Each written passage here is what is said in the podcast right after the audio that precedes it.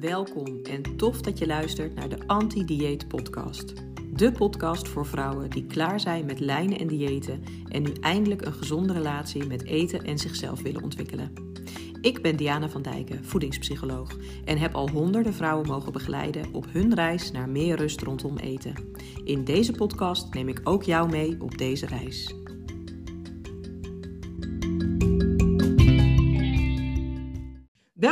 Weer een nieuwe aflevering van de Anti-Dieet Podcast.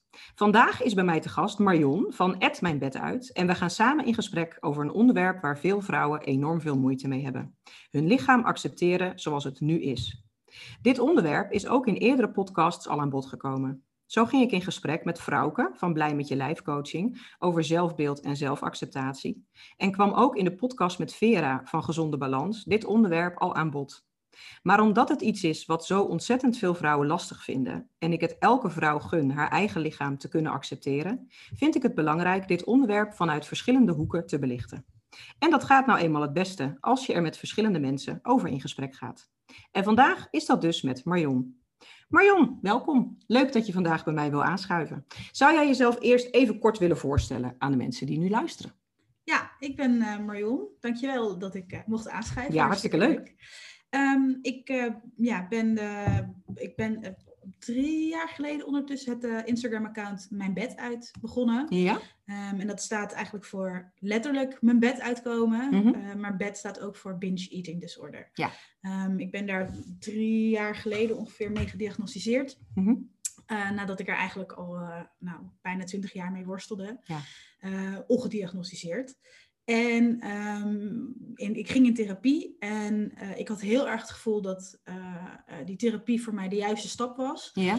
Maar ik weet ook dat therapie hard werk is en bruut eerlijk naar jezelf moet zijn om jezelf Ja. verder te kunnen helpen. Um, dus toen ben ik het Instagram-account begonnen om um, ja, een soort stukje verantwoording aan mezelf af te leggen. Ja. Um, dus ook juist als het niet goed ging, uh, uh, daar, daar eerlijk over te zijn als ik een tegenslag had. Maar ook een stukje om ja, successen te vieren en, Ja. uh, en, en daar eerlijk over te zijn. Van hé, hey, dit ging voor het eerst goed. Of uh, dit, nou, vandaag ging het echt drie keer ruk en uh, morgen gaan we weer opnieuw beginnen. Ja.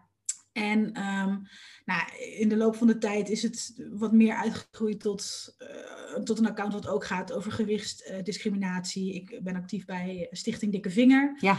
die zich daar ook heel erg hard voor maken. Um, en ja, een stukje body positivity en, en, en mensen ja, me, eh, bekend, meer bekend maken met wat een, een binge eating disorder Ja. is.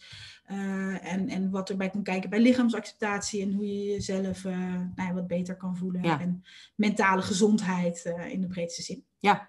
ja, want toen ik contact met jou opnam om, om een keer aan te schuiven, hebben we het natuurlijk gehad over verschillende onderwerpen. En eigenlijk gaf jij toen aan, nou dan vind ik lichaamsacceptatie wel een heel mooi onderwerp om, om over in gesprek te gaan. Ja. Wat maakt dat je daarvoor koos en bijvoorbeeld niet juist binge eating disorder of eetbuien of iets van die uit de andere hoek die ook, waar je natuurlijk ook mee bezig bent? Ja, nou eigenlijk vooral omdat wat je eigenlijk ook al zei, lichaamsacceptatie en misschien wel het gebrek daaraan, ik dat, Mhm. dat ook overal om me heen nog steeds zie. Ja.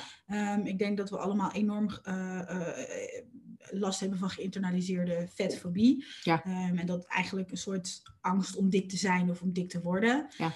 Um, er heerst uh, een behoorlijk schoonheidsideaal waar, waar ik zelf niet aan voldoe. Uh, behalve dat ik blond ben en blauwe ogen heb, uh, is dat ongeveer het enige. Link je dat eh, ook echt op die manier? Van ja, maar hey, het past niet binnen dat schoonheidsideaal, maar hey, dat stukje dan blijkbaar wel. Uh, nee, dat dus heb ik het heel lang Nee. niet gevoeld. Dat, dat is iets wat ik de laatste tijd wat meer kan rationaliseren. Ja, um, ja en ik, ik, ik zie gewoon dat heel veel mensen om me heen uh, worstelen met hun, hun lichaam en, en toch niet blij mee zijn of ja, toch niet tevreden kunnen zijn. Ja. En um, gelukkig, dankzij body positivity, gaat het echt wel de goede kant Mhm. op.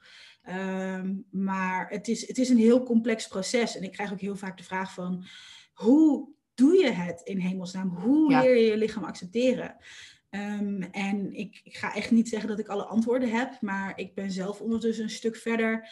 Um, dat ik wel denk dat ehm, misschien een stukje delen van mijn verhaal Mhm. andere mensen ook kan helpen. Ja, nou en dat is natuurlijk wel wat, ook het, ehm, wat we eigenlijk ook wel terug zien komen. Hè? Dat op het moment dat je merkt, hé, hey, ik ben niet de enige die het moeilijk vindt Ja. om mijn lichaam te accepteren. Of ik ben niet de enige die niet binnen dat eh nou ja, zogeheten schoonheidsideaal past. Dat je toch meer die verbinding kunt voelen ook in het ik sta er niet alleen voor. Maar dat je ook uiteindelijk inspiratie kunt halen uit de ervaringen van anderen. Ja. Hey, nu zei je al, hè, voor het eh binge-eating stuk ben je natuurlijk ook in therapie gegaan. Ja.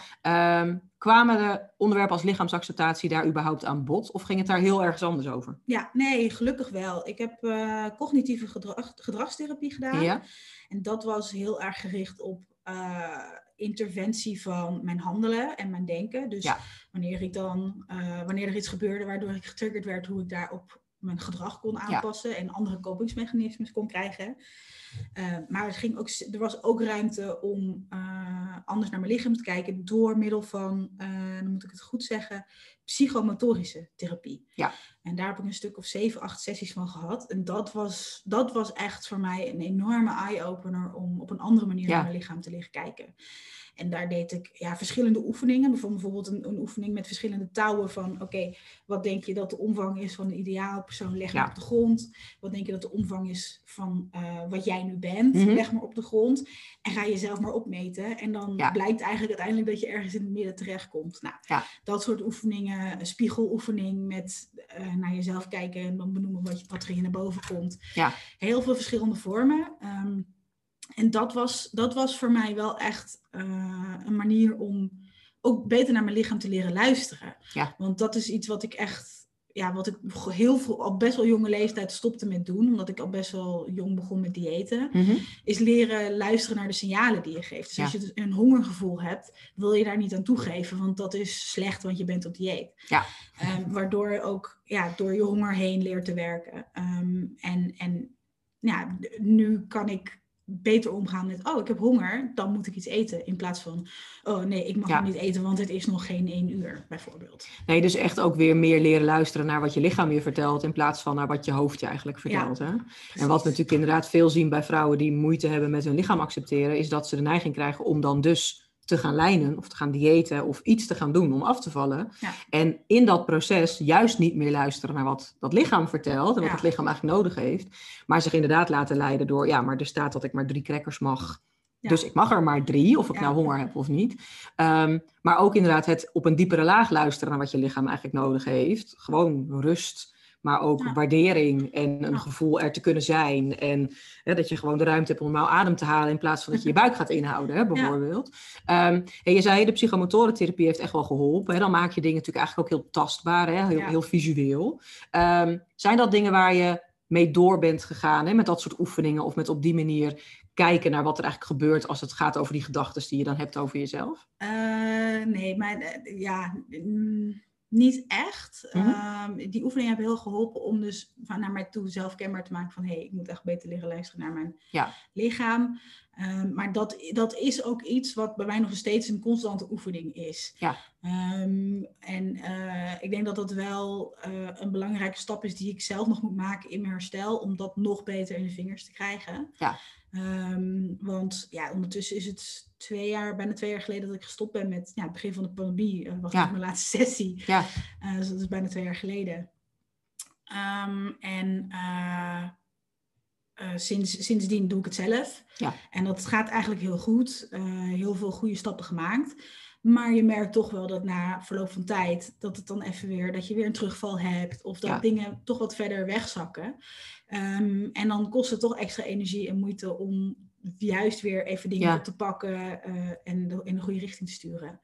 Ehm, dus ik ben er nog steeds wel, ik, ik ben er nog elke dag mee bezig, want ik voel me ook nog niet vrij van mijn eetstoornis. Mhm. Maar ik voel me wel vrijer, Ja. een stuk vrijer en lichter in mijn Ja. eetstoornis. En ik kan er veel beter mee omgaan dan eh, voordat ik in therapie ging. Ja.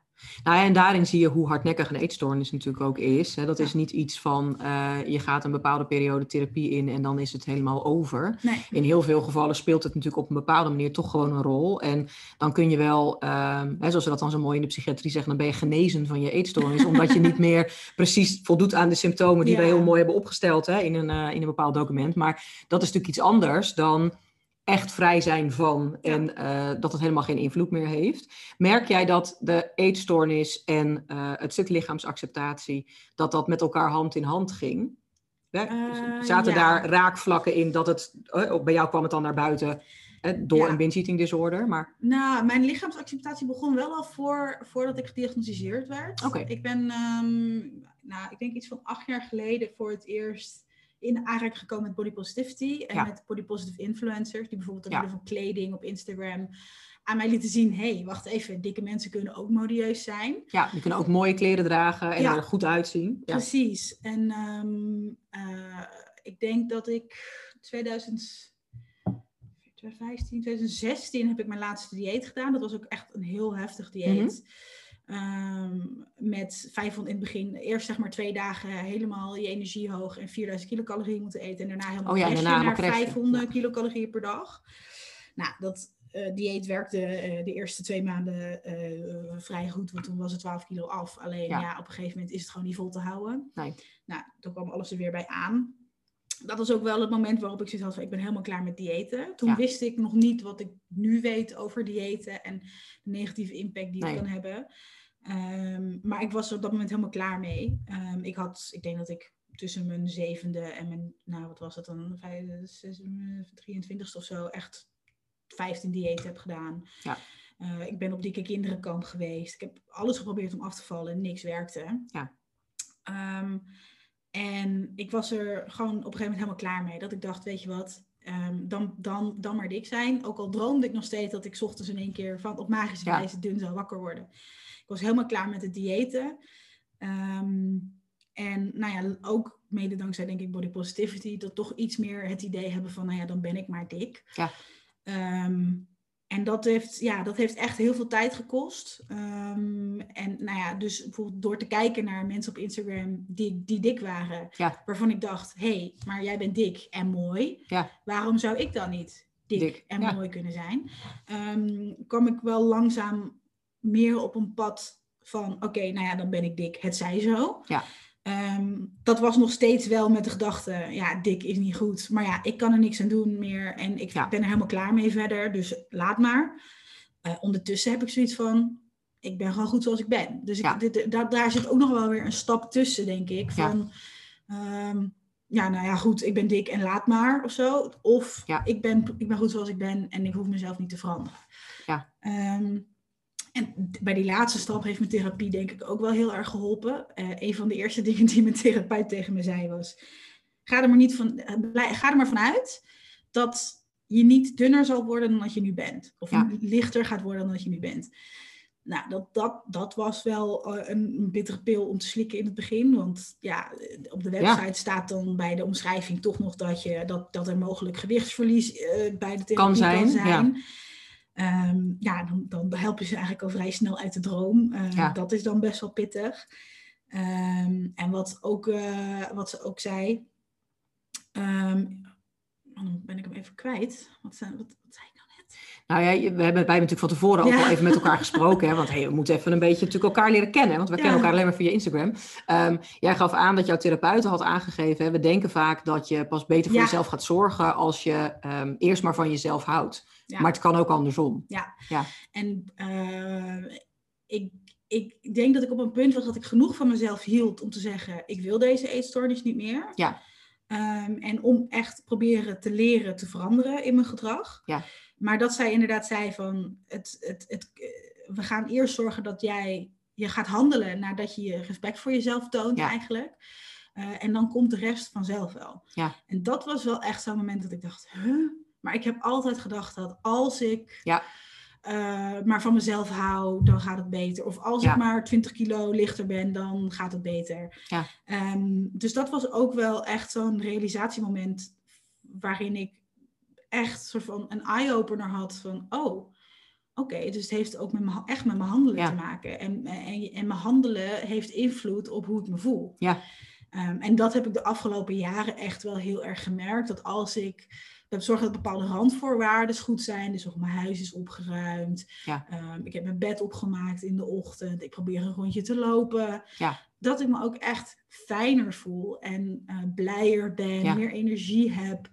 Ehm, En gewoon lekker in mijn vel zit en tevreden ben met wie ik ben. En dan ben ik ook weerbaarder tegen mijn eetstoornis. Want dan heb ik, ja, ze noemden het een soort dijk. Uh, eigenlijk een soort dijk. En dan de eetstoornis is de vloedgolf. Ja.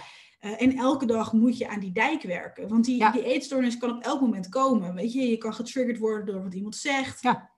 Uh, of er gebeurt iets op je werk waar je, dat je een fout hebt gemaakt, weet ik veel wat hoe meer jij doet om aan die dijk te bouwen, hoe sterker je bestand bent om die vloedgolf te weerstaan. Ja. En dat uh, vond ik ook echt ja, een enorme eye-opener. Want ik was altijd iemand van, oké, ik ben een perfectionist, ik ga er 100% voor. Ja. En als ik faal, is het klaar. Ja. Trek ik me terug, is het mislukt, ik ben een mislukkeling. Ja. en, en, zo ging het ook met diëten. Um, en, en dat was ook een enorm ander perspectief ja. op aardig zijn voor jezelf eigenlijk. En ja. omgaan met jezelf. En van het, je kan niet elke dag 100% geven. Soms en dat hoeft ook niet. En dat hoeft ook niet. Um, maar als je maar ja, elke dag weer probeert om een paar stappen te zetten. En nou ja, oké, je hebt je ontbijt vandaag geskipt. Probeer dan wel weer je tussendoortje of je lunch op te pakken.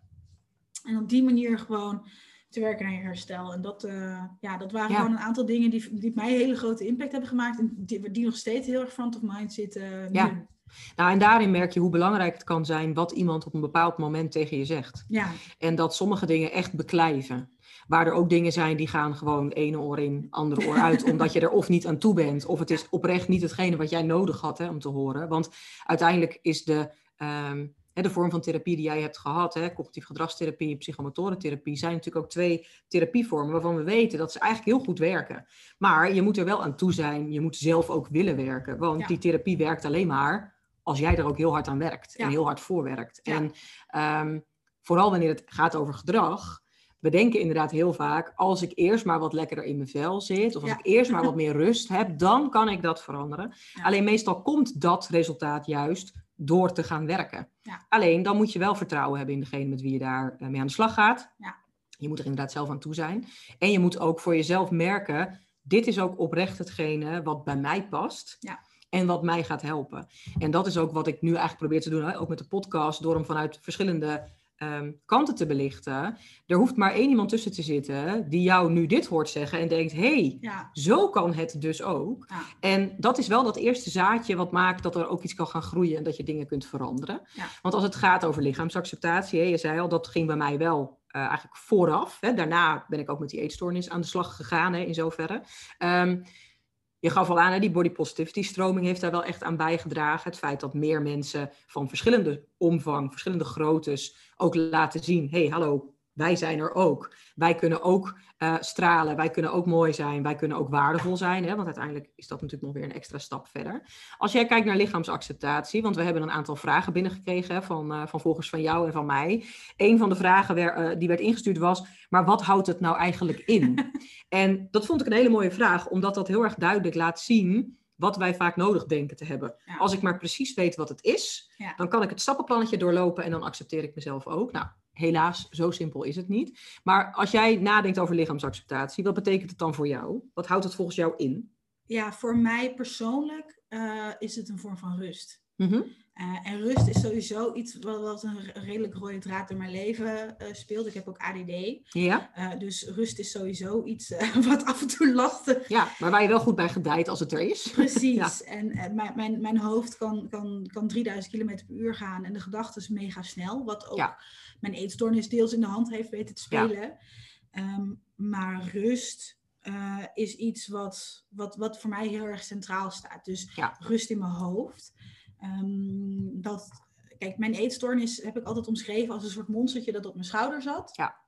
En dat dan neg- alle negatieve gedachten in mijn oor fluisterden. Ja. En ehm, hoe, hoe, meer, hoe, ja, hoe meer ik daarnaar luisterde, hoeveel meer ruimte ik daarvoor maakte, ehm, hoe slechter ik me voelde, hoe meer ik me terugtrok, hoe, Ja. hoe, hoe negatiever ik naar mijn lichaam keek. Ja. En ehm, in therapie heb ik een aantal handvaten gekregen om actie te ondernemen om dus dat monstertje kleiner te maken. Ja. Wat ook betekent dat ik weer meer energie begon te krijgen. Ehm, kijk, ik heb dus, er ging een heel traject aan vooraf. Ik heb daar, voordat ik met mijn therapie begon voor mijn eetstoornis, heb ik nog twee jaar in therapie gelopen. Eerst voor mijn ADD, Mhm. toen een zelfbeeldgroep. Ja? Ehm, dus dat heb ik ook nog gedaan. Daar zaten wel een paar leuke dingetjes tussen. Maar ik voelde dat dat de kern van het probleem niet was. Ja. En toen heb ik een tijdje individueel gelopen om te kijken, om te helpen met die diagnose. En toen Ja. heeft die psycholoog gezegd, ik denk nou, dat je een Ja. eetstoornis hebt. Toen ben ik naar eh, Novarum gegaan in Amsterdam, een gespecialiseerde Ja. inricht, of instelling daarvoor. Ehm, daar hebben ze de officiële diagnose gemaakt. Ja. Ehm, en ja, rust. ehm, dus dat betekent ook rust omheen. Dus bijvoorbeeld als ik, wat ik ook al eerder, volgens mij in ons voorgesprek Mhm. zei, van ehm, dat mijn bed opgemaakt is, dat er geen Ja. vuile was op de grond ligt, dat mijn aanrecht netjes is. Ja. En soms merk ik ook dat ik daar een beetje in doorschiet, want dan, dan moet per se de borden op exact dezelfde plek staan in de kast, of dan Ja. moet eh, eh, het, de kopjes op exact dezelfde plek staan omdat dat dus een bepaalde vorm van rust geeft. Want dan, dan, dan krijg ik geen stress als het op de verkeerde plek staat. Ehm, dus dat, ook daarin kun je soms weer een beetje doorschieten. Dat, dus dat Ja. is ook heel moeilijk om te vinden. Maar dus ja, rust in mijn omgeving, eh, rust in mijn hoofd. Eh, dus dat betekent ook eh, nee leren zeggen tegen dingen. Ehm, of bijvoorbeeld juist in mijn werkagenda, en dat doe ik nog lang niet genoeg, maar bijvoorbeeld een uur te blokken rondom mijn lunchpauze. Ja. Ik ga nu een rondje lopen. Ja. Even mijn hoofd leegmaken, muziekje aan in mijn oren, Ja. eh, eventjes door het groen lopen. Ehm, dat, dat is iets wat helpt. Ehm, maar ik denk, ja, qua lichaamsacceptatie, wat het ook voor mij betekent, is oké zijn met hoe ik eruit zie. Ja. Want ik zei al dat de, therapie, de therapeut aan het begin zei, ja, je gaat nooit dunner worden dan dat je nu bent. Ja. Dat was een hele bittere pil om te moeten slikken. Ja. En ondertussen denk ik, ja, nou ja, Dan is dat zo. dan is dat zo. Ja. En ehm, positiviteit, eh, of pro- proberen te focussen op positieve, eh, Ja. helpt ook wel. Dus ik moest ook een tijdje zo'n zo'n dagboek bijhouden van wat waren vijf dingen die Ja. vandaag goed gingen. En op een gegeven moment ging dat wat verder van noem vijf dingen eh, die je positief vond aan je lichaam Ja. vandaag. Nou, en dan is het bijvoorbeeld, nou, ik heb vandaag vier kilometer gelopen. Dankjewel lichaam. Ja. Eh, ik heb eh, eh, vandaag, ehm, nou, bij wijze van spreken, geen maagkrampen gehad nadat ik mijn lunch heb Ja. gegeten. Dankjewel lichaam. Ja. Ehm, dus ook soms heel praktisch naar je lichaam Ja. kijken, want je lichaam doet zo enorm veel voor je. Ja. Weet je, je kan, en voor even een beetje, ja, ik wil niet validistisch zijn, maar voor de meeste mensen is het zo dat je kan zien, dat je kan ruiken, dat je kan horen, dat je kan voelen. Ehm, en gewoon eh, focus op die Ja. hele kleine dingen die je lichaam voor je doet. Help, heeft me ook heel erg geholpen. Van, hey, dankjewel lichaam dat je me vandaag weer gedragen Ja. hebt. Eh, dat ik weer heb kunnen eten, dat ik kon dansen vandaag. Ja. Ehm, dat zijn allemaal wat dingetjes die, die mij wel helpen Ja. om mijn lichaam meer te, ac- gewoon te leren accepteren zoals het is. Ja. Ehm, en ja, ondertussen denk ik, eh, ja, ik ben dik. En als het je niet aanstaat, ga je maar ergens anders naartoe. Ja. En dat, dat heeft heel lang geduurd. Want Ja. ik heb altijd heel veel nagedacht over wat andere mensen dan wel niet over me dachten. Ja. Eh, en dat was heel erg front and center eh, in mijn hoofd. Ja. Dus ook dat is iets wat tijd nodig heeft om te leren van je af te zetten. Ja. Maar ik heb ook gemerkt dat hoe meer oké ik met mezelf was, eh, hoe minder het me kon schelen wat andere mensen dachten. Ja. Ehm, dus bijvoorbeeld, om, om een voorbeeld te noemen, vorig jaar eh, in de zomer heb ik voor het eerst in jaren weer een bikini aangetrokken. Mhm. Was het vorig jaar? Nee, het was wel een jaar eerder. Eh, maar omdat ik zoiets. Maar vorig jaar was, was dan afgerond, mijn therapie was afgerond. Eh, heel veel dingen vielen in één keer op hun plek. Want Ja. Nou ja, dan gaat het nog een half jaar door en je hoofd is bezig. En Ja. je moet oefeningen blijven doen. Dus dan in één keer vielen dingen op hun plek.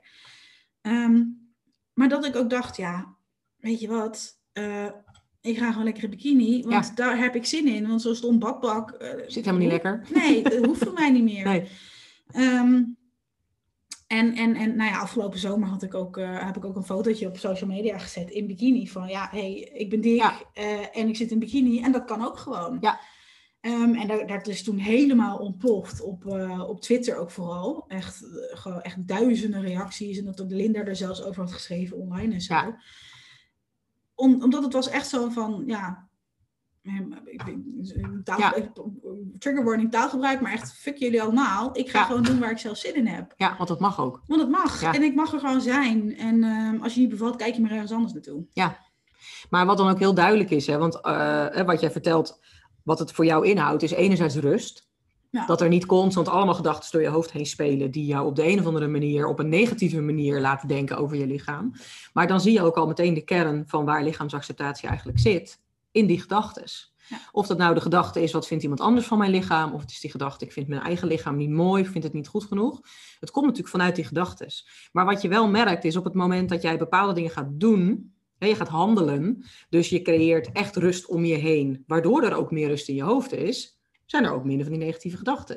Door dingen te doen waar je achter staat, ik ga gewoon in bikini, ik ga gewoon lekker naar het strand, ik post een foto, ontstaat er enerzijds reuring, want hey, mensen gaan daar natuurlijk op reageren, hè, want zo zit Nederland in elkaar, of nou ja, niet alleen Nederland. Ehm, maar anderzijds ook rust, want hey, dit kan dus gewoon. Ja. Ik kan dus gewoon in bikini zijn en ik kan daar een foto van posten en daar kunnen mensen iets van vinden en dat mag.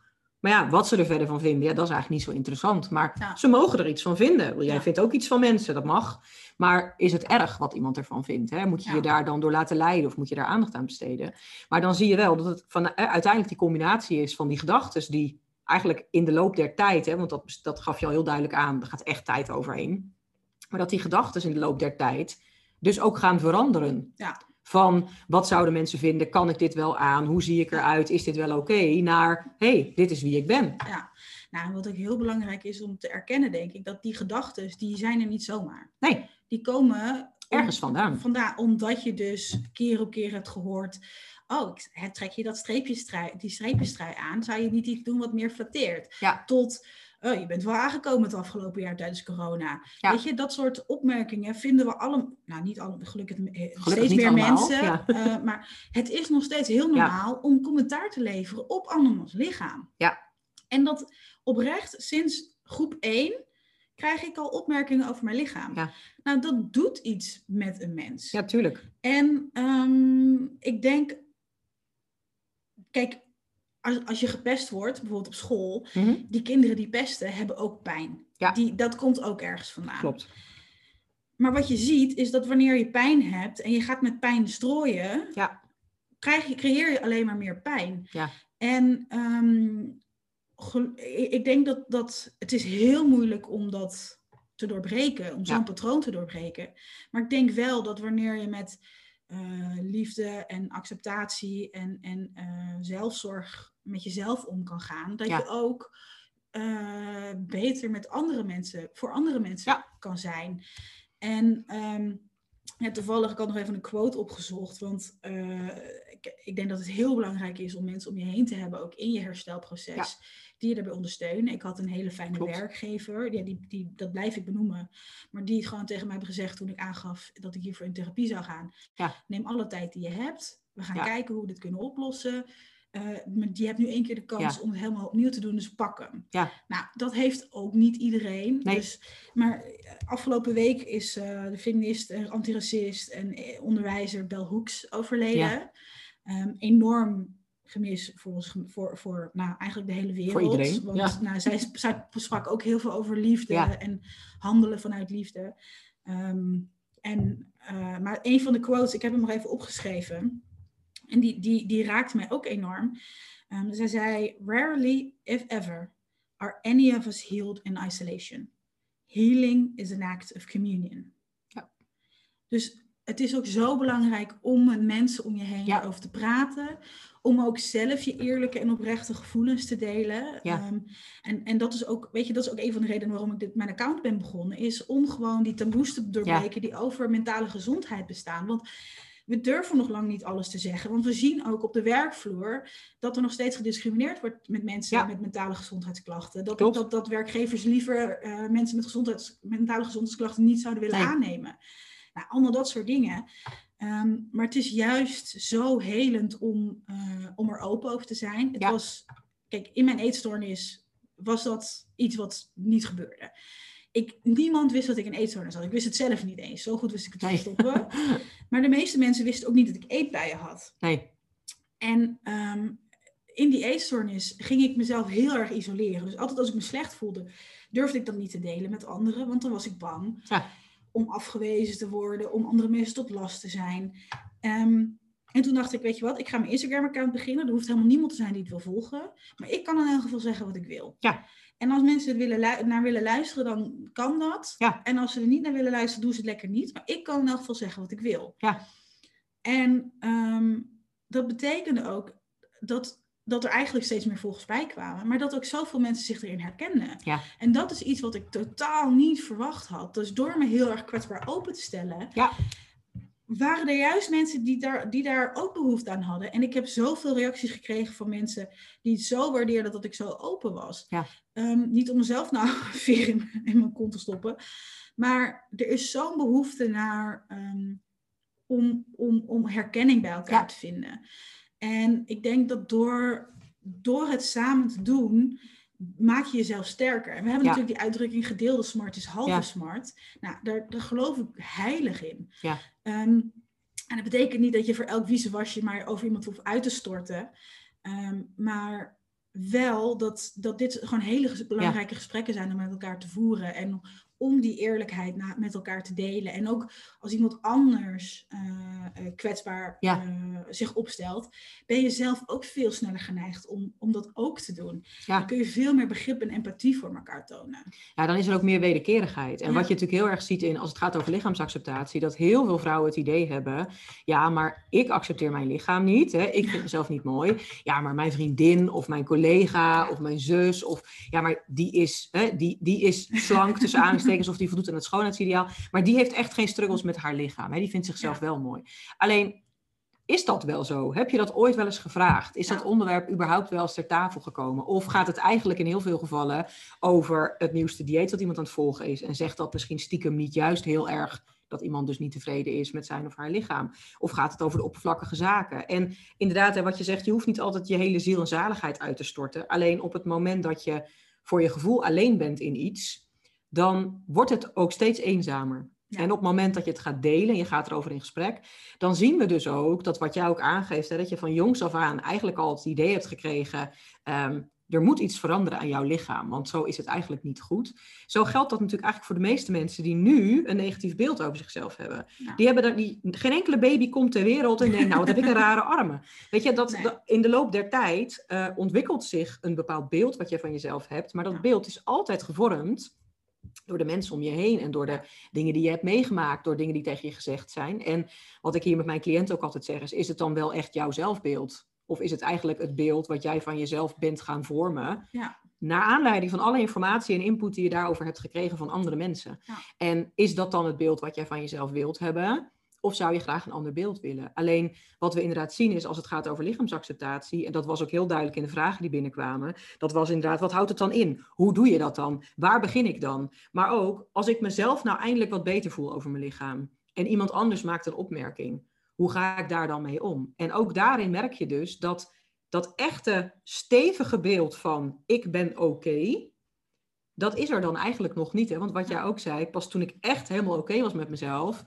ja, dan maakte het ook eigenlijk helemaal niet uit wat iemand anders ervan vond. Want dat is eigenlijk helemaal niet belangrijk. Het gaat erom wat ik van mijn lichaam vind. Ja. Ehm, maar je merkt inderdaad dat om dat stevig te krijgen, is er tijd nodig. Maar is dus ook nodig dat je oprecht gaat voelen bij jezelf. Het gaat er ook helemaal niet om of mijn lichaam mooi is, ja of nee. Nee. En of ik het mooi vind, ja of nee. Het is wel mijn lichaam en het verdient op zijn minst respect Ja. voor wat het kan. Nou, en ik denk dat het ook wat ook behulpzaam kan zijn, is om in andere, weet je, we, we hechten zoveel waarde aan schoonheid in onze maatschappij. Om in andere termen over je lichaam te gaan denken. Ja. Want ja, mijn, bijvoorbeeld mijn kuiten, ik vind mijn kuiten niet per se heel mooi. Ik heb er een prachtige tatoeage op één been laten Mhm. zetten. Maar ik vind mijn kuiten niet per se mooi. Nee. Maar ze zijn wel verrekte sterk. Ja. Dus het kan ook helpen om. Ik, ik weet nog, ik kwam binnen bij mijn psychomotorische therapeut voor de eerste keer. En zij zei, het is het eerste wat ze zei. Ik kan echt aan jouw lichaam zien dat jij sterk bent. Ja. Nou, ik, ik barstte gelijk in haar uit. Dat had nog nooit Zo had jij er nog nooit naar gekeken. Maar Nee. nog nooit had er iemand dat tegen mij gezegd. Want Nee. het enige wat ik te horen kreeg over mijn lichaam is dat het te dik was en dat ik moest afvallen. Ja. Dus het, het helpt ook om met andere terminologie Ja. naar je lichaam te kijken. Dus ehm, ja, mijn ogen die zijn blauw. Ja. ja, en voor sommige mensen zijn ze mooi, voor sommige mensen zijn ze niet mooi. Ehm, mijn schouders, ja, ik heb vrij brede schouders, maar ze zijn ook heel erg sterk. Ja. Ik bedoel, al die rugzakken op de, basis, op de middelbare school van 15 kilo Ja. met al die boeken, hebben, hebben ze gewoon gedragen. Ja. Weet je, ehm, dus het termen woordgebruik is ook zo belangrijk. En ja, ik kan me heel goed voorstellen dat wanneer je zelf in het proces bent om je lichaam te leren accepteren. En dan zegt, maakt iemand in één keer een opmerking. Nou ja, we gaan, we gaan nu de feestdagen in. Of we, die hebben eigenlijk, als Ja. podcast, uit, hebben we net gehad. Maar voor heel veel mensen is dat een hele vervelende tijd. Omdat je dan weer met familie die je misschien een jaar niet Ja. hebt gezien vanwege corona in aanraking komt. En dat ze dan gaan zeggen, oh, je bent wel aangekomen deze kerst. Ja, dat is enorm lastig. Ja. Ehm, een van de dingen die ik heb geleerd is, als, als dat je echt raakt, Ja. laat die emotie er zijn. Ja. Want dat is iets wat ik deed. Ik stopte al mijn emotie weg in het eten. En daardoor ging ik eten. Ja. Ehm, dus ru- ruimte houden voor die emotie heeft me heel erg geholpen. Ehm, maar er zijn gelukkig ook steeds meer, meer tips van, oké, ja, nou en? Ik, en dan, Ja. Er was toevallig een hele leuke video van Lotte van Eyck ehm, Ja? afgelopen week live gezet, ook over de feestdagen. Dat ze zei, ja, tante Beb, ik ben van plan om er deze kerst nog eh 30 kilo bij aan te eten. Ja. Weet je, dat je bent Gewoon lekker ad rem. En ook, ja, van, eh, zoek het allemaal lekker Ja. uit. Maar het is natuurlijk enorm pijnlijk als iemand die, ja, je geeft, zo'n nare op en Ja. onderdachte opmerking Ja. maakt. Dus ehm, kijk, mijn, ik heb een goede relatie met mijn ouders.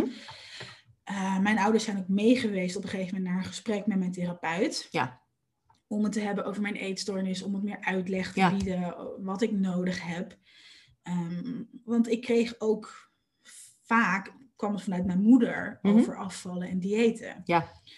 Ehm, en dat is, dat is gewoon heel moeilijk. En ik denk dat, dat het voor heel veel vrouwen geldt. Sowieso de relatie met je moeder kan heel ingewikkeld zijn. absoluut. Ehm, en dat is weer een heel ander verhaal. Maar wanneer het op gewicht aankomt, de mening van je moeder doet er heel veel Ja. toe. En ehm, van, wanneer het dan iemand is die zo dichtbij je staat, die dan een nare opmerking Ja. maakt op een onverwachts moment, kan dat heel hard binnenkomen. Ja. En dat is ook waarom ik denk dat het juist heel goed is om te proberen zo'n openhartig gesprek Ja. aan te gaan en eerlijk te zijn over dit is er met me aan, aan de hand. Ik Ja. ben op dit moment niet gelukkig, maar ik werk er heel hard aan. Ja. Dit is waar ik moeite mee heb.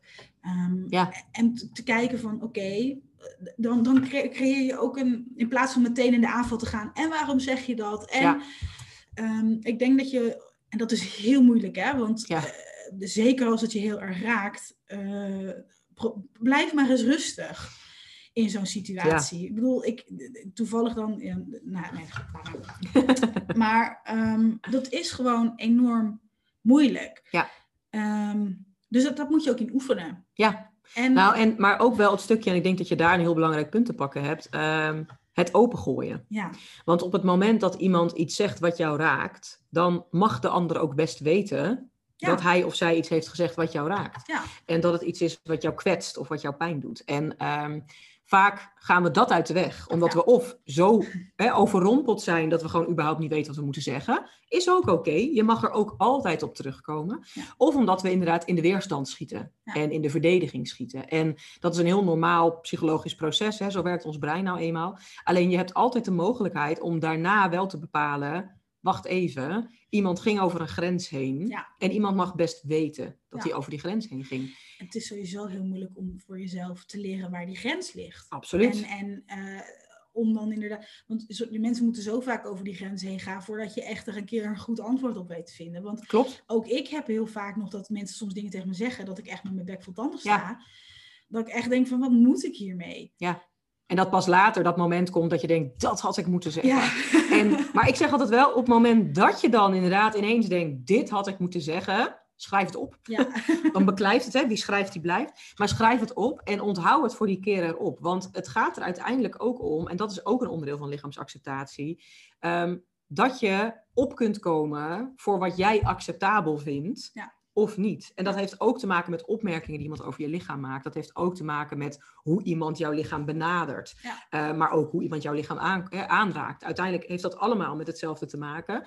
En ehm, misschien een heel stom voorbeeld, maar op het moment dat je bij een verloskundige loopt en ehm, je krijgt echo's en je krijgt inwendige echo's, of het is eenmaal tijd voor die bevalling, dan vraagt elke verloskundige: vind je het oké als ik je nu aanraak? Of ik ga je nu aanraken? Dat heeft allemaal te maken met respect voor dat lichaam en even grenzen aftasten. En natuurlijk, als jij tijdens die bevalling zegt nee, dan heb je ook niet heel veel keuze, want ze moeten wel die baby eruit halen. Maar het gaat om het stukje respect voor dat lichaam. En in heel veel gevallen gaan zorgverleners over grenzen heen. Ja. Door inderdaad bij een willekeurig onderzoek te zeggen, uh, we gaan eerst even wegen, terwijl dat er helemaal niks mee te maken heeft. Maar dan mag jij wel zeggen, dat wil ik niet. Of daar zie ik oprecht de meerwaarde niet van in. Ook dat is lichaamsacceptatie. En heel veel vrouwen zien lichaamsacceptatie als denk ik, de eerste oppervlakkige laag. Dan vind ik mijn lichaam mooi. Ja. Nee, daar heeft het eigenlijk helemaal niks mee te maken. Je accepteert dat je een lichaam hebt. Ja. Dat is heel fijn. En wat jij al zei, het ene lichaam kan heel veel, het andere lichaam kan misschien minder. misschien kun jij niet lopen. En dan ben je dus niet dankbaar voor het feit dat jouw lichaam je daarheen kan brengen. Maar dan zijn er andere dingen die jouw lichaam kan, waar je respect voor kunt tonen. Maar het heeft inderdaad heel erg te maken met functie.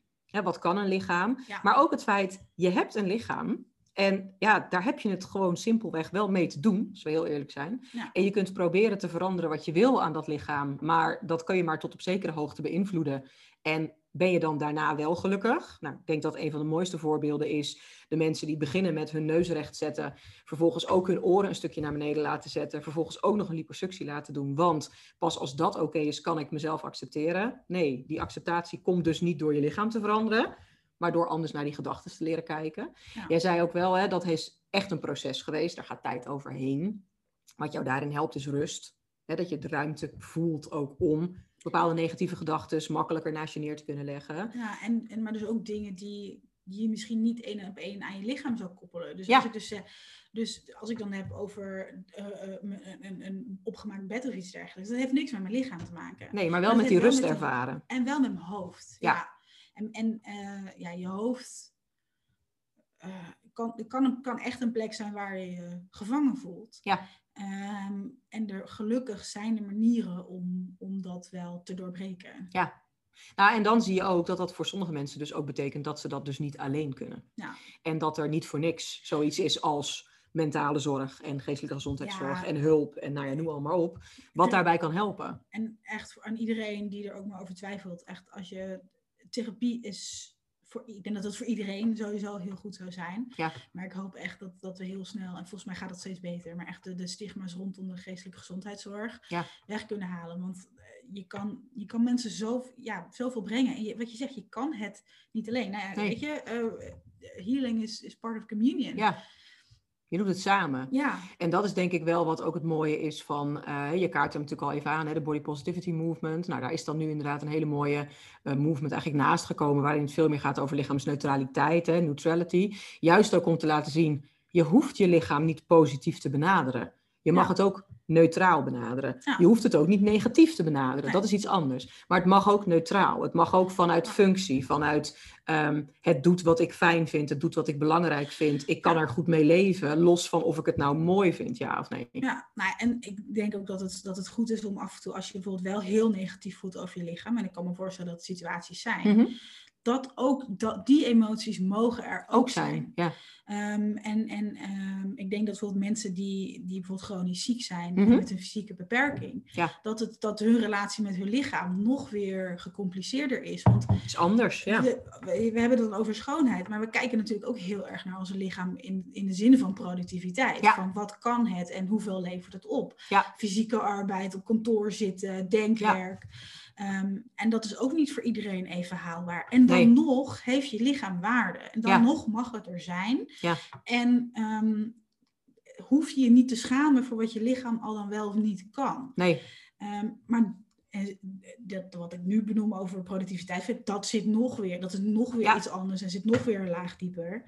Ehm, maar het is wel iets wat eraan bijdraagt. Hè? Want tijdens de podcast die ik met Vrouwke opnam, hebben we het ook gehad over hè, wat zou toch maken dat zoveel mensen moeite hebben met hun zelfbeeld. En een van de dingen waar we toen inderdaad ook wel samen tot de conclusie kwamen, is we leven ook gewoon in een enorme prestatiegerichte eh, maatschappij.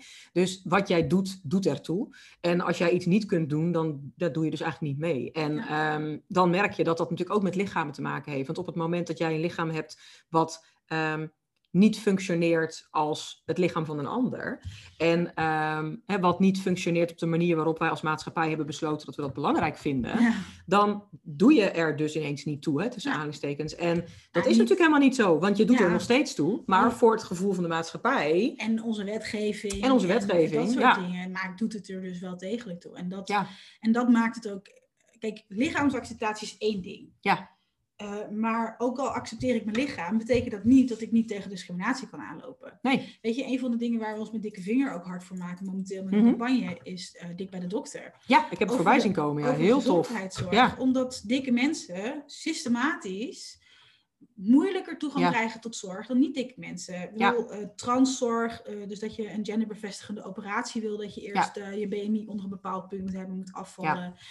Ehm, of uh, bij een knieoperatie dat je eerst moet afvallen, ook wel hebben met pijn. Of mensen die, die naar een arts gaan met een probleem en weer weggestuurd worden met de boodschap. Ga maar eerst afvallen en dan onderzoeken we wel verder. Ja, dan blijkt dat ze gewoon kanker hebben. Precies, ja. Dus um, die lichaamsacceptatie is, is heel leuk en heel fijn en heel belangrijk voor jou als individu. Maar dat betekent niet dat we niet in een systeem leven nee. wat het enorm moeilijk maakt voor mensen die afwijken van de norm. Klopt. Dus als we het dan hebben over wetgeven voor mensen met een handicap, of als we het hebben over gezondheidszorg, of als we het hebben over discriminatie op de arbeidsmarkt, ja. in het onderwijs, waar uh, problemen enorm, uh, uh, waar, waar, discriminatie ja, heel veel voorkomt. voorkomt. Of het, en dan kan het gaan over etniciteit bij mensen die dan lagere schooladviezen krijgen. Maar ook dikke kinderen die, wat onderzoek toch, en onderzoek uit Duitsland, maar dat laat zien dat dikke kinderen gemiddeld lagere cijfers krijgen voor hetzelfde werk, lagere schooladviezen krijgen. Ja. Het speelt in zoveel verschillende lagen. Dus ik denk dat die lichaamsacceptatie heel belangrijk is. Ja. Um, maar tegelijkertijd, ik kan mijn lichaam wel accepteren. Ja. Maar ik, ik beleef nog steeds in een systeem ja. waarin ik afwijk van de norm. En daar toch maar mee moet leren dealen. Ja, nou en dat is wel waarom het denk ik net, net zo belangrijk is om daar dus als groep ja. hè, mee bezig te zijn. Want naarmate je als groep meer het gevoel gaat krijgen, hé, hey, maar ik ben oké zoals ik ben en ik hoef daar niet voor af te vallen, ik hoef daar niet een, uh, een hogere of een technischere opleiding voor te doen of wat dan ook, dan ontstaat ook meer dat groepsgevoel in, hé, hey, maar als wij allemaal gewoon oké zijn, waarom leggen we de lat dan op zo'n, nou ja, misschien wel enigszins bijzonder niveau of op lastig niveau? Um, Juist ook omdat we dan gaan zien dat de hele maatschappij waar we natuurlijk in leven, hè, nou noem het dan die dieetcultuur, maar noem het ook die prestatiegerichte cultuur, noem het in feite ook nog steeds in Nederland heel erg de witte cultuur, want eigenlijk is dat natuurlijk nog steeds precies hetzelfde. Um, dan is het natuurlijk ook wel oprecht zo dat daar pas verandering in gaat komen. Als er niet meer drie individuen zijn die in de woestijn staan te roepen, maar er inmiddels drie miljoen individuen zijn die in de woestijn staan te roepen. Maar of dat um, op een, kort, hè, op een korte termijn zo gaat zijn. Nou, dat betwijfel ik. Hè. Toevallig heb ik pas een keer meegewerkt aan een podcast waarin iemand mij vroeg: wanneer zijn we dan, uh, wanneer is die dieetcultuur dan echt achter ons gelaten? Dat ik zei, nou, ik ben 39, ik hoop toch nog heel wat jaren werkzaam te zijn in dit vakgebied. Ik hoop dat ik het in mijn uh, werkcarrière nog mee ga maken dat we de dieetcultuur achter ons laten. Maar het is natuurlijk wel zo dat dat ook pas iets is wat we achter ons gaan laten als er een steeds grotere tegenbeweging komt. En die beweging komt ook pas als mensen hun lichaam gaan accepteren voor hoe het is. En niet of het mooi is, ja of nee. En ik ga nu even heel iets links zeggen, maar er zit, de dieetindustrie is een miljardenindustrie. Dus er zijn Enorm. enorme financiële belangen bij ja. gebaat. Dus wanneer ons kapitalistisch systeem ingericht blijft op de manier zoals die is, Mhm. zullen de financiële belangen dusdanig groot zijn Ja. dat, eh, dit, dat, dat die dieetcultuur, ook al is het kunstmatig, in Ja. stand gehouden zal gaan worden. Ja. Dus dat is heel, even heel erg links, maar... Nee, maar het is natuurlijk wel wat we zien gebeuren. En datzelfde geldt ook voor het hele, eh, hè, ook zijstapje, maar het Ah, maagverkleiningssysteem is waar we in terecht zijn gekomen. Geld. Ehm, dat is natuurlijk een, een, een multi-dollar business. hè, Ja. niet alleen in Nederland, maar natuurlijk gewoon wereldwijd. En Het is een dan, dan zie je eh, dat het gewoon een perfect verdienmodel is, waarbij mensen een maagverkleining krijgen met het idee, dit is de enige oplossing. Maar de vraag was wat überhaupt het probleem was. Maar het is natuurlijk wel iets waar heel veel geld mee verdiend wordt. Ik wil wel even zeggen, kijk, als je een maagverkleining hebt gehad of het overweegt, mhm. dat is echt compleet valide. Ja. Um, want het is een individuele keuze en ehm, er zijn heel veel redenen waarom ik kan voorstellen dat iemand het overweegt. Ja. Dus ik wil ook niet zeggen dat, uh, dat het niet mag of niet kan. verkeerd zijn. Nee waar, waar, waar ik kritiek op heb, is het systeem erachter dat geld verdient aan het leed van mensen. Ja. Daar heb ik een probleem mee. Nou, en dat, gebeurt. Nee, maar dat is wel heel belangrijk dat je dat eraan toevoegt. Want dat is natuurlijk wel wat er gebeurt. Op het moment dat jij nadenkt over een maagverkleining, mag jij nadenken over een maagverkleining. En jij mag daar ehm, een noodzaak toe voelen. En jij mag daar een eerlijk advies in gaan krijgen. Alleen zien we dat de adviezen die erin gegeven worden, wellicht niet altijd eerlijk zijn, omdat er zoveel geld mee verdiend wordt. Maar het is natuurlijk wel, als je kijkt naar dat stuk lichaamsacceptatie, weer een van de dingen die laat zien dat dat de kern van het probleem is. Je accepteert je lichaam niet zoals het is. Je accepteert misschien ook niet hoe het functioneert, hè, want dat kan natuurlijk ook met elkaar te maken hebben op een bepaald moment. Maar dan is het wel het feit dat je dat lichaam niet accepteert, wat maakt dat je hoopt dat door het lichaam te veranderen, je de acceptatie zult bevorderen. Terwijl we natuurlijk uiteindelijk uit nou ja, wat dat betreft meerdere onderzoeken inmiddels wel weten, en mensen het eigenlijk stiekem in eigen ervaring ook wel zo zien, dat het eigenlijk niet heel veel uitmaakt voor je zelfbeeld en voor je lichaamsacceptatie. Of je nou maat 32 hebt of maat 52 of maat 62. Het heeft alles te maken met hoe jij naar jezelf kijkt. En daarin zijn natuurlijk verschillende dingen die kunnen helpen. Nou, jij benoemde het al. Rust creëren om je heen helpt voor jou heel goed. Want dan zijn er ook minder van die negatieve gedachten. Het focus op de functie van je lichaam. Wat kan je lichaam? Wat doet het voor je? Wat betekent het voor je? Dat is natuurlijk een hele belangrijke stap in lichaamsacceptatie. Het mooi vinden staat daar eigenlijk helemaal los van. Het respecteren dat is wel een belangrijk onderdeel van acceptatie. Hey, nou ben jij in de afgelopen periode ook bezig geweest met ehm, het moment dat deze podcast online komt, dat is natuurlijk heel flauw, hè, maar je hebt te maken met een planning. Deze podcast luisteren jullie nu ergens eh, begin januari, medio januari. Ehm, maar het moment dat wij nu het gesprek hebben is uh, eind december. We zitten net voor de kerst. En um, jij bent bezig geweest met het maken van een hele mooie playlist. Um, die te maken heeft eigenlijk met lichaamsacceptatie. Hè, naar aanleiding van het voorgesprek wat wij hadden. En uh, dingen die ook ingezonden werden door, uh, door de volgers op Instagram. Werd jij geïnspireerd. Dus vertel daar eens wat over. Want ik ben ook heel benieuwd. Want ik heb het ook alleen maar zo via via nu gehoord. Ja, nou ja, we hadden natuurlijk over lichaamsacceptatie. En ik was wat tips aan het verzamelen. En dingen die, mij geholpen ja. hebben. En er kwamen eigenlijk steeds meer liedjes bij. Ja. En toen dacht ik in één keer van, hè, maar muziek kan zo'n krachtig medium zijn om je even te verplaatsen, om bepaalde emoties op te wekken. Um, ik heb ook in, in therapie hier voor, voor mijn CGT eh, en zo, heb ik ook wel uh, muziek, wat dat onderdeel was van, ja. uh, van een stukje. Omdat je kan daar herinneringen aan koppelen of emoties, weet ik veel wat. En toen dacht ik van, hoe leuk zou het zijn om een playlist te hebben met liedjes en artiesten die dus die lichaamsacceptatie helpen bevorderen. Ehm, en toen dacht ik, wauw, ja, nou ja, dan denk je eigenlijk meteen aan Lizzo. Uh, voor iedereen die haar niet kent, een Amerikaanse dikke uh, zangeres, fluitist.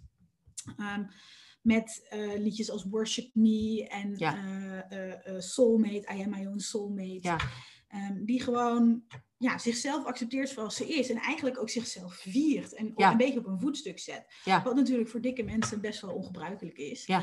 Um, en toen dacht ik, ja, ik ga gewoon kijken hoeveel liedjes ik bij elkaar kan, uh, kan verzamelen. En ondertussen hebben we meer dan, uh, meer dan 100 liedjes. Ja.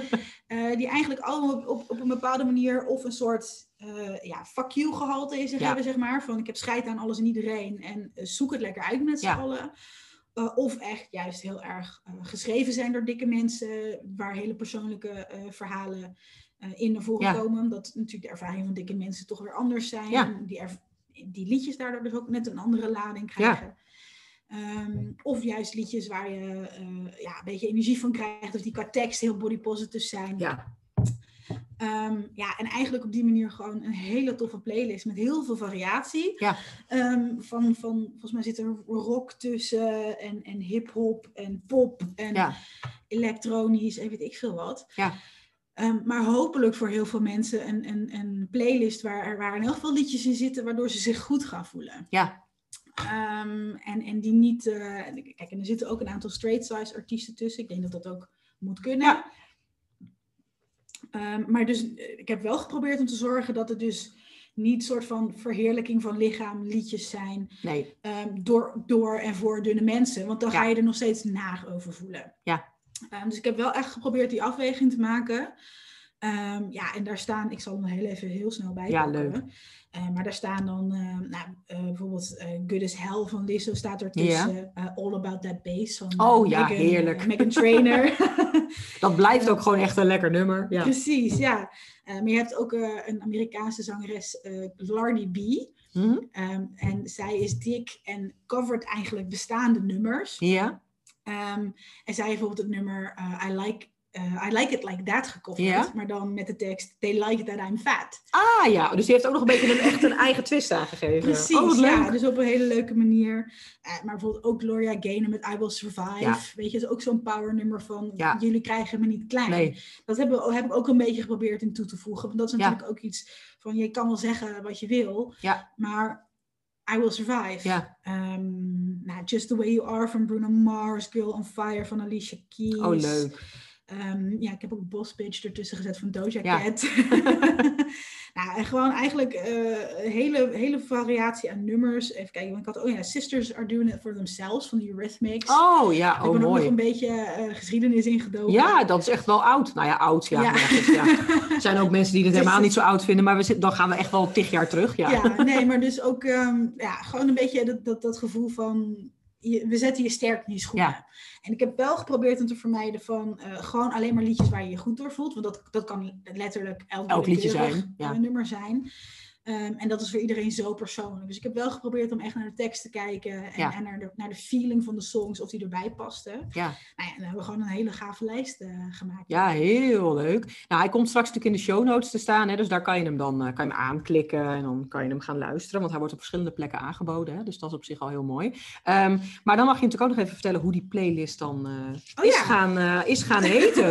Dat ben ik helemaal vergeten. Ja, het, he- hij heet de Big Fat Positive Playlist. nou, het bekt ook lekker. Ja, toch? En eh, ik, ik heb er een beetje, een beetje sneaky, want big fat positive, dat kun je natuurlijk gewoon big fat en positief. Dus Ja. dik, eh, groot, dik en positief. Ja. Maar het is natuurlijk ook vet positive, want Ja. er is ook een beweging die heet de fat positive beweging. ehm, waarbij we meer acceptatie proberen te creëren voor dikke Ja. lichamen, dat ze er mogen zijn, dat ze niet per, per definitie veranderd hoeven te worden. Nee. Ehm, ja, dus vandaar dat, we- dat ik dat woordgrapje er een beetje heb in. eh, Ja, heel leuk. Nou ja, maar het is wel heel leuk, hè, want je had inderdaad ook eh, gevraagd op Instagram of mensen input wilden leveren op hè, wat ze leuke namen vonden.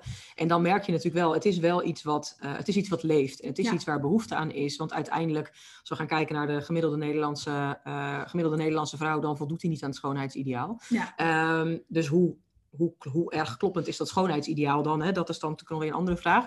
Maar dan merk je wel dat er natuurlijk gewoon heel veel behoefte is aan dat stuk. Je lichaam kunnen vieren en je lichaam kunnen accepteren en je lichaam, je lichaam kunnen respecteren en waarderen. En dat zijn nog steeds andere dingen dan dat je het mooi hoeft te vinden. Ja. Maar je bent ook mooi. Ja. En ehm, dat is iets wat, hè, mooi zijn is iets wat van binnen komt. En hè, heel veel mensen van ons zijn misschien wel opgevoed met dat zinnetje schoonheid zit van binnen. Maar vervolgens worden we afgerekend op de buitenkant. Ja. Maar uiteindelijk komt schoonheid natuurlijk wel echt van Ja. binnen. Dat zijn de mooiste mensen om contact mee te hebben en de leukste mensen om contact mee te hebben. Die van binnen ook gewoon mooi zijn en dat ook uitstralen. Ja, en wat ik ook denk, ehm, wat belangrijk is in deze playlist, is ook een stukje representatie. Mhm. Ehm, ik heb dus ook juist heel Absoluut. erg gekeken naar eh, dikke artiesten. Dus bijvoorbeeld Mary Ja. Lambert staat erop. Eh, ik moet heel even zoeken naar een andere zangeres die ik zelf nog niet kende. Maar ik ben zelf ook weer hele leuke nieuwe artiesten tegengekomen. Bijvoorbeeld Toshi Reagan. Oh, die kende ik ook niet. Nee. Nee, of Beth Ditto van, eh, van de band The Gossip. Ja? Nou, ook dus dat, en die Lardy B, dus die Ja. ook dik is, Lizzo. Ehm, dus juist ook vrouwen die niet aan die norm voldoen, omdat die Ja. zichtbaarheid ook heel belangrijk is. Want daar, Ja. daar nog heel even snel, uh, we Mhm. gaan denk ik zo afsluiten. Maar er kwam ook een vraag binnen over representatie. Van ja, hoe belangrijk is die representatie nou eigenlijk? Nou, ik heb nog heel eventjes in het archief van Dikke Vinger ge- gedoken eh, over onderzoeken. En ik denk eigenlijk dat die, dat die representatie veel groter is, het belang daarvan veel groter is dan we denken. Ja. Ehm, de meeste onderzoeken eh, naar dikke mensen in de media tonen eigenlijk eh, aan dat negatieve beelden van dikke mensen veel voorkomen. Ja. Dus dat zijn vaak of negatief of neutraal, relatief Ja. Heel weinig. Ja. Eén onderzoek toonde aan dat 75 tot 77 procent van dikke mensen op een negatieve manier wordt, Wordt neergezet, gezet ja. in, in beelden. Ja. Nou, dat is natuurlijk gewoon het overgrote deel van de dingen die je consumeert als, Ja, als van wat je dus ziet, gebruiker van ja. media. En dat dat dus ook leidt, dus dat in een onderzoek van met mensen die negatieve beelden zagen van dikke mensen en neutrale Mhm. beelden, zag je ook dat de mensen die negatieve beelden van dikke mensen kregen ook negatieve Gingen gedachten denken. Ja. over dikke mensen. Ja. Als dat het geval is, denk ik ook dat je het om zou kunnen draaien. Dus wanneer je eh, dikke mensen op een positieve manier ziet, zoals een Lizzo, Ja. die gewoon een fantastische performer is met Ja. de meest geweldige outfits op het podium, dat inspireert mensen ook weer. En dat helpt juist bij die acceptatie. Want ehm, dat het stigma rondom dik zijn is vaak nog veel schadelijker Absoluut. eh, dan bijvoorbeeld dieet. eh, nee, dan het dik dan zijn het zelf. dik zijn zelf. Sorry, Ja. ja. dan moet ik het wel goed Ja, zeggen. nee, maar dat klopt helemaal. Dus dat soort representatie kan enorm helpen om die stigma's te doorbreken. En, Ja. en daarom ben ik ook gewoon in bikini op de foto gegaan. Ook om het stigma te doorbreken. En, Ja. en wil ik het gesprek opengooien. Omdat ja, het, helpt, het helpt iedereen. Weet je, als, als dikke mensen gewoon hun Mhm. leven leiden. En dat we Ja. het op een positieve manier kunnen laten zien. Helpt dat alle dikke mensen. Ja, nou, ik denk dat dat ook een hele mooie is om inderdaad mee af te sluiten. Dat als je ehm, omringd bent door mensen die ehm, alle verschillende vormen en maten hebben en op allerlei verschillende manieren in het leven staan, dan pas ga je een daadwerkelijk goed perspectief krijgen van. En op het moment dat dat niet zo is, want het is in de media niet zo en eh, de presentatoren zijn allemaal eh, eh, slank of in ieder geval redelijk, het voldoen ze allemaal redelijk aan het schoonheidsideaal, dan heb je ook niet het idee dat deze mensen overal zijn. En dat iedereen alles, hè, dat iedereen alles kan. En uiteindelijk hebben wij het nodig om rolmodellen te hebben in alle vormen en maten, in alle kleuren, in alle ehm, etniciteiten, met allerlei verschillende genderachtergronden. Eh, Alles hebben we nodig om een goed beeld te kunnen krijgen. Alleen het is oprecht zo dat we ehm, ja, in heel veel gevallen ervoor kiezen, maar een selecte groep mensen te laten zien. En inderdaad, voor een heel aantal andere mensen geldt dat die gewoon veel minder zichtbaar zijn. En juist die zichtbaarheid is heel belangrijk. En juist ook zichtbaarheid gekoppeld aan, dit zijn leuke mensen, dit zijn toffe mensen, die doen goede dingen, die zijn eh, met bepaalde dingen bezig waar ze passie voor hebben. En hè, dat is wat je wil zien. Ja, En als je dat niet ziet, dan krijg je toch ook meer het idee, ja, maar blijkbaar hoort mijn lichaamsvorm daar dus niet bij. Ja. Maar elke lichaamsvorm past daarbij. En elke lichaamsvorm mag daarin ook gezien worden. Ja. Nou, ik ben heel benieuwd naar de playlist. Tegen de tijd dat deze aflevering online komt, heb ik hem al lang gehoord. Maar nu ga ik hem zometeen eerst luisteren, want ik ben heel benieuwd. Ehm, hey, ik wil jou onwijs bedanken eh, dat je de moeite hebt genomen om, eh, om hier naartoe te komen. Want eh, Marion zit daadwerkelijk bij mij aan tafel. Hè. Dat is weer even anders dan de online opnames van de afgelopen tijd. Ehm superleuk dat je aan wilde schuiven. Ja dankjewel echt heel leuk. Heel graag gedaan. Ik hoop dat heel veel mensen wat, eh, wat hebben aan de, eh, aan de podcastaflevering, maar vooral ook aan de playlist die je hebt gemaakt. Ehm, en wij komen on- elkaar ongetwijfeld eh, wel weer tegen, want nu hebben we elkaar een beetje gevonden. Ehm, dus dankjewel. Dankjewel. Daarmee zit ook deze aflevering van de Anti-Dieet Podcast er alweer op.